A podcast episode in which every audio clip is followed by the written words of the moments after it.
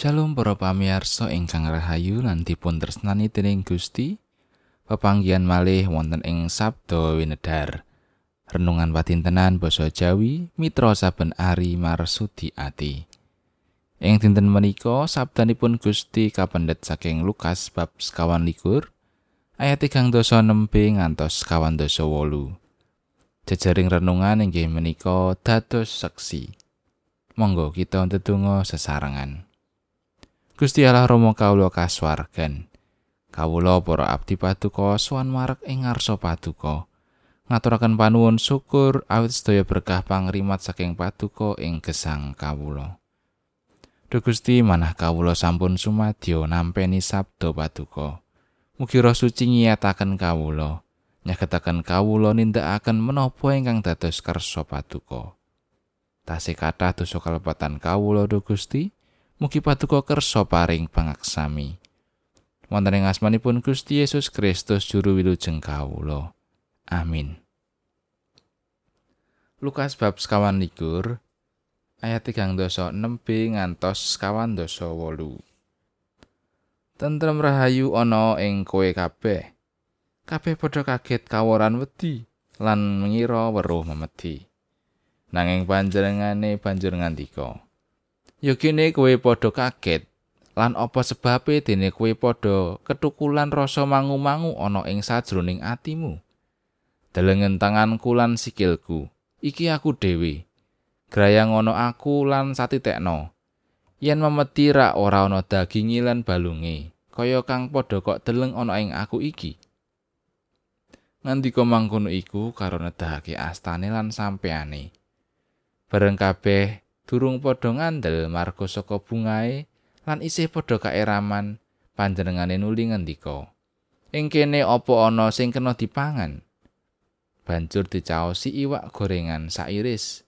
Iku tumuli ditampeni lan didahar ana ing ngarepe wong-wong mau.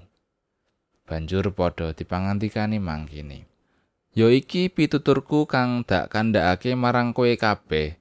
Nalika aku isih nunggal karo kowe yaiku yen kabeh kang wis katulisan tumraping aku ana ing sajroning kitab Toret Nabi Musa lan kitab para nabi sarta kitab Mazmur iku kudu kayektenan. Panjenengane banjur mbuka pikirane wong-wong mau supaya padha ngerti marang kitab suci. Pangandikane, ana kang katulisan mangkene. Sang Kristus pinasti nandang sang soro lan ing telung dinane wungu saka ing antarane wong mati. Karo dene maneh pawarta bab pamratobat lan apuraning dosa kudu kaundangake marang sakabehing bangsa atas asmane wiwit saka ing Yerusalem.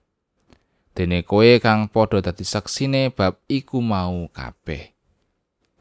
Makatan pangandikanipun Gusti ayat nat saking ayat sekawan dosa wolu. Dene kowe kang padha dadi saksine bab iku mau kabeh. Para sederek kinasih kangge dados seksi setunggaling tiang boten namung mangertos menapa ingkang badhe dipun saksiaken ananging perlu ugi nyawisaken mental. Pecawisan menika wigati supados saged ndadosaken mantep tiang sanes supados saged nampi lan pitados dhateng paseksinipun Bab menika ugi dipun alami dening para muridipun Gusti ingkang kautus dados seksi magepukan kalian gesang lan pakaryanipun Sang Kristus. Kula semanten tumuju dhateng wekdal sumangkanipun Gusti Yesus, panjenenganipun nyawisaken para muridipun kangge dados saksi. Panjenenganipun nambuka pikiran para muridipun supados mangertos isinipun kitab suci. Nampeni lan pitados jumateng pakaryan kawilujengan ingkang sampun ketindakaken dening Gusti Yesus. Lan ugi saged martosaken pawartos bab pitobat lan pangapuntening dosa ing asmanipun Gusti Yesus dumateng para bangsa. Boten namung menika, para muridipun ugi dipun jangkepi panguwasipun Gusti ingkang badhe nyagetaken para murid dados seksi kagem Gusti. Malah saderengipun Gusti sumangka, Gusti paring berkah dhateng para muridipun. Sedaya menika ingkang dadosaken para murid nggadahi semangat minangka seksi satemah pawartos Injil dumugi ing saindenging jagat. Kados pundi tumraping kita? menapa kita sumadyo dados seksenipun Gusti ing wekdal samangke kita sami tinimbalan minangka seksenipun Gusti panjenenganipun kersa nyawisaken lanjang kepi kita kalian menapa ingkang kita betahaken lumantar kitab suci perjanjian lami lan perjanjian anyar supados kapitadosan kita sang saya kekahlan kita saged paring paseksi bab kawulujengan lan pakaryanipun Gusti ing gesang patintenan amin.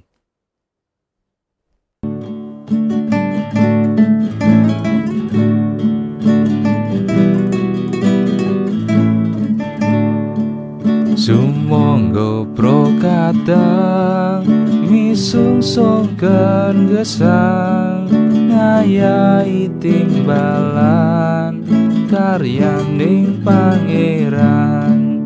Martos keninjilnya pangluar saking dosa mring saliring bangsa.